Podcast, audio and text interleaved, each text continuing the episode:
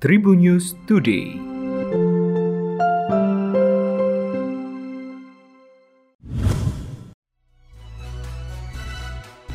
Halo Tribuners, saya Delta Gonzales akan menginformasikan kabar terkini. Kita awali dari kabar nasional.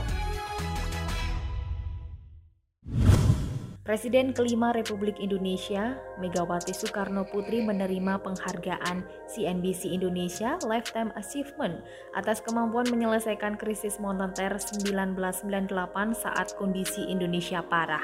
Penghargaan CNBC Indonesia Lifetime Achievement kepada Megawati diserahkan oleh Chairman dan Founder Citicorp Khairul Tanjung. Atas penghargaan yang diterimanya, Megawati sangat memberi apresiasi Bahkan Megawati kemudian bercerita panjang soal kondisi ekonomi dan politik masa itu.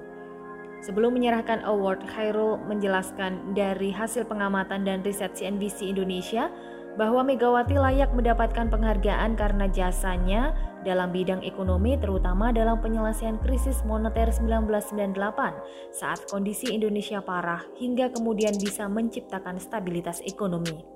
Desember 2021 lalu penghargaan ini telah diberikan secara virtual dan diwakili oleh Ketua DPR Puan Maharani sekaligus putri dari Megawati Soekarno Putri. Pakar kesehatan Profesor Chandra Yoga Aditama menuturkan saat ini WHO belum memutuskan status pandemi COVID-19 akan berakhir menjadi pra-endemi atau endemi. Berkaca pada pandemi H1N1 2009 silam, pada 10 Agustus 2010, Dirjen WHO Margaret Chan menyatakan dunia sudah memasuki pasca pandemi H1N1 2009 dan istilah yang digunakan ketika itu untuk menyatakan pandemi selesai adalah periode pasca pandemi atau post-pandemic period. Bukan mengatakan dunia sudah endemi. Chandra memaparkan istilah pandemi merujuk pada PAN, artinya adalah semua atau banyak. Pandemi COVID-19 dinyatakan oleh Dirjen WHO Dr. Tedros pada 11 Maret 2020. Hal yang sama juga terjadi pada pandemi H1N1 2009 yang dinyatakan bermula pada 11 Juni 2009 juga oleh Dirjen WHO ketika itu Dr. Margaret Chan. Sebelum berstatus pandemi, maka Dirjen WHO akan menyatakan suatu penyakit ada dalam status Public Health Emergency of International Concern, diterjemahkan sebagai kedaruratan kesehatan masyarakat yang meresahkan dunia. Penyakit yang waktu itu masih bernama 2019 nCoV atau sekarang dikenal sebagai COVID-19, sebelumnya adalah PHEIC ada beberapa pertimbangan untuk dinyatakan sebagai darurat kesehatan global atau PHEIC, antara lain suatu penyakit baru atau setidaknya mikroorganisme penyebabnya adalah varian baru. Lalu kasus sudah dilaporkan di dua region WHO atau lebih, serta penyakitnya cukup berat dan memberi dampak pada kesehatan manusia. Untuk kabar selebriti, Putri Nia Daniati Olivia Natania akhirnya mulai mengakui terlibat rekrutmen CPNS bodong. Dilaporkan sebelumnya, wanita yang kerap disapa Oi ini ditahan atas dugaan penipuan masuk CPNS. Sementara korban dari kasus itu disebut telah mencapai 225 orang dengan kerugian ditaksir mencapai 9,7 miliar rupiah. Meski sempat berkelit, kini akhirnya Oi mengaku perbuatannya. Oi langsung menangis saat mengakui perbuatannya itu.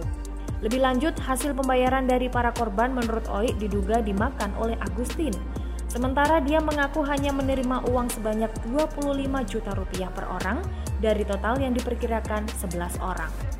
Menurut penjelasan kuasa hukum OI Susanti Agustina, Putri Nia Daniati ini berkelit lantaran masih menutupi aksi gurunya sendiri. Susanti meminta agar Agustin juga diperiksa.